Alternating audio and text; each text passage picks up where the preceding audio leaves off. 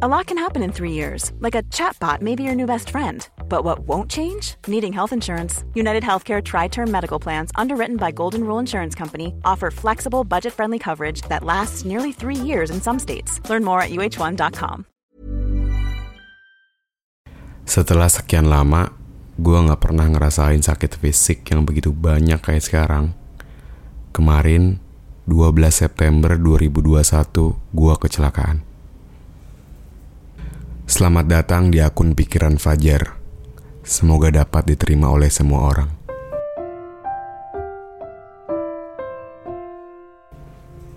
Awalnya cerita ini mau diceritain lewat Twitter.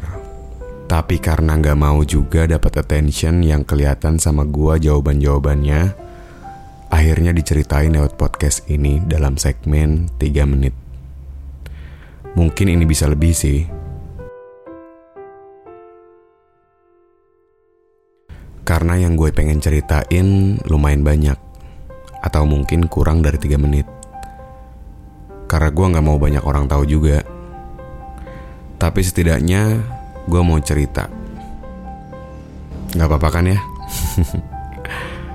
Minggu 12 September 2021 Kurang lebih jam 3 dini hari Gue kecelakaan tunggal dengan luka ringan di pergelangan tangan kanan kiri, di lutut kanan kiri, dan juga luka yang gak kelihatan di bahu kanan. Cuman sampai hari ini, tanggal 13 September 2021, gerakan gue lamban karena nahan sakit. Dan semoga gak terjadi apa-apa juga sih. 14 jam sebelumnya gue berangkat ke kantor untuk melakukan kerjaan sampingan gue sebagai penyiar radio. Selesailah gue di jam 9-an. Dan seperti biasa, gue ketemu sama teman-teman gue dan menghabiskan waktu hingga kurang lebih 5 jam. Sampai akhirnya gue memutuskan untuk pulang. Sebetulnya ini udah sering gue lakuin. Pulang pagi pakai motor Sialnya hari itu gue kecelakaan tunggal. Gue gak tahu pasti gimana gue bisa jatuh dari motor itu. Yang gue ingat, gue kehilangan kendali di bagian depan motor. Gue masih inget banget kalau setelah kejadian motor gue jatuh, ada motor lainnya yang nyerempet motor gue. Ada dua orang di motor itu. Dan mereka juga jatuh karena kehilangan kendali akibat motor gue yang jatuh di depannya. Syukurnya gue gak kelindes sama mereka. Sesudah itu, gue berkali-kali minta maaf sama mereka. Sambil gue nundukin badan gue karena sakit akibat kebanting dari motor. Tiba-tiba mereka bilang sama gue, Kak, bannya bocor. Gue udah mulai curiga kalau emang itu penyebabnya. 10 menit atau 15 menit berselang, gue memutuskan untuk nyari tambal ban. Gue juga pamitan sama mereka dan meminta maaf. Akhirnya gue ngedorong motor dan gak ketemu sama tambal ban. Gue ngedorong motor lumayan jauh karena seingat gue, gue sampai pom bensin itu sekitar jam 5 lebih lah. Daerah gue bukan daerah yang kayak di kota. Di sini nggak ada ojek online atau sebagainya. Jadi lumayan susah buat nyari bantuan. Sesampainya gue ke pom bensin, gue chat temen gue buat minta tolong, tapi dia masih kerja. Gue juga cuman berani sama orang-orang yang dekat aja. Gue chat saudara gue juga sih, tapi gak ada respon. Mungkin karena udah pagi juga. Gue juga gak berani nelpon, karena rasa gak enakan gue terlalu tinggi. Akhirnya gue nelpon teman gue yang tadi nongkrong bareng. Tapi karena jarak ke tempat gue ketemu sama anak-anak itu ngebutuhin waktu sekitar satu jam lebih, gue gak minta tolong mereka buat ke lokasi gue waktu itu. Gue cuma mau ditemenin ngobrol. Sampai akhirnya gue berniat istirahat di pom bensin. Gak lama dari situ, hujan turun. Agak kesel sih, tapi ya udah, nggak apa-apa. Setelah reda dan sekitar jam setengah enam pagi, akhirnya gue ketemu angkot. Dan gue pulang naik angkot. Sedangkan motor gue taruh di pom bensin. Jarak dari pom bensin gak jauh ke rumah gue. kalau naik motor. Tapi kalau dorong motor dengan jarak yang kayak gitu, gue pasti bakal pingsan di jalan. Apalagi dengan keadaan yang kayak gitu. Sempat kepikiran sih buat tidur di depan bengkel yang memang proper. Jadi gue tinggal masukin aja motor gue ke bengkel. Tapi bengkel pasti buka jam 9an atau jam 10 pagian. Temen gue juga nyaranin untuk naruh motor itu aja dulu. Akhirnya gue memutuskan untuk naruh motor di pom bensin. Dan gue naik angkot yang tadi. Kejadian itu ngebuat gue makin bersyukur banget. Banget, banget, banget. Karena Tuhan masih sayang sama gue. Karena gue masih bisa selamat dari kecelakaan tunggal itu. Mungkin sepele sih bagi orang-orang.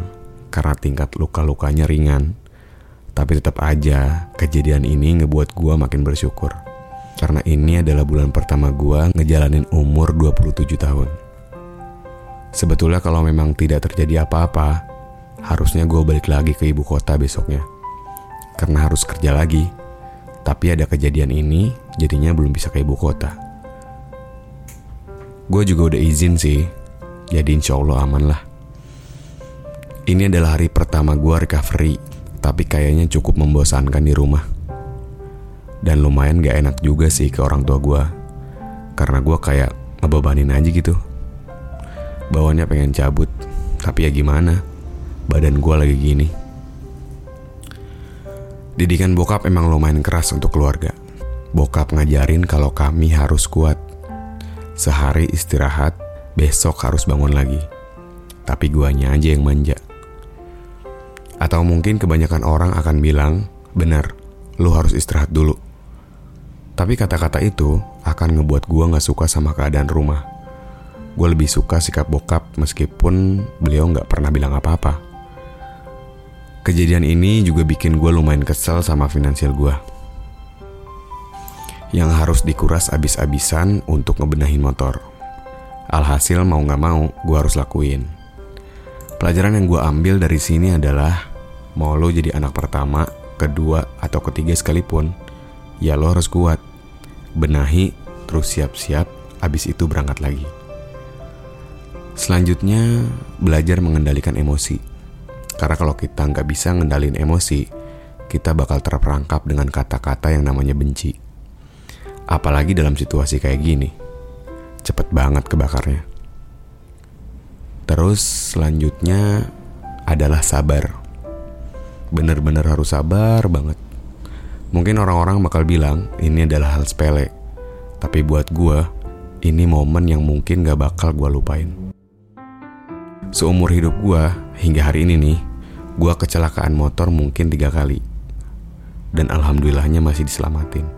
Makasih banget ya Allah. Terakhir, gue punya opini terhadap kejadian ini dan gue jadiin pelajaran atas kejadian ini. Gue diharusin istirahat karena gue terlalu menggebu-gebu dalam urusan duniawi. Atau bisa dikatakan gue terlalu menggebu-gebu nyari uang.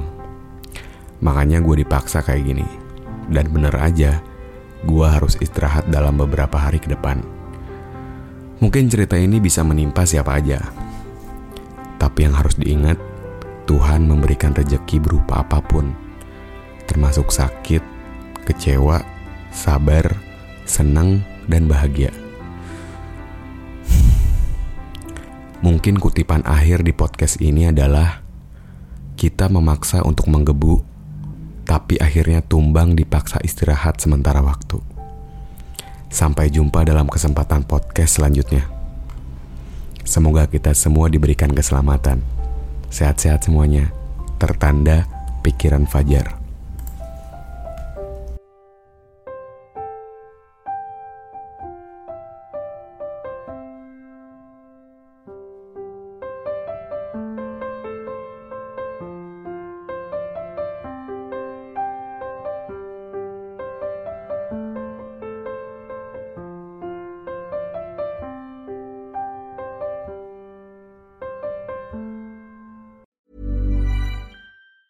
Hi, I'm Daniel, founder of Pretty Litter. Did you know cats tend to hide symptoms of sickness and pain? I learned this the hard way after losing my cat, Gingy. So I created Pretty Litter, a health monitoring litter that helps detect early signs of illness by changing colors, saving you money and potentially your cat's life. Pretty Litter is veterinarian developed, and it's the easiest way to keep tabs on your fur baby's health right at home. Go to prettylitter.com and use code ACAST for 20% off your first order and a free cat toy. Terms and conditions apply. See site for details.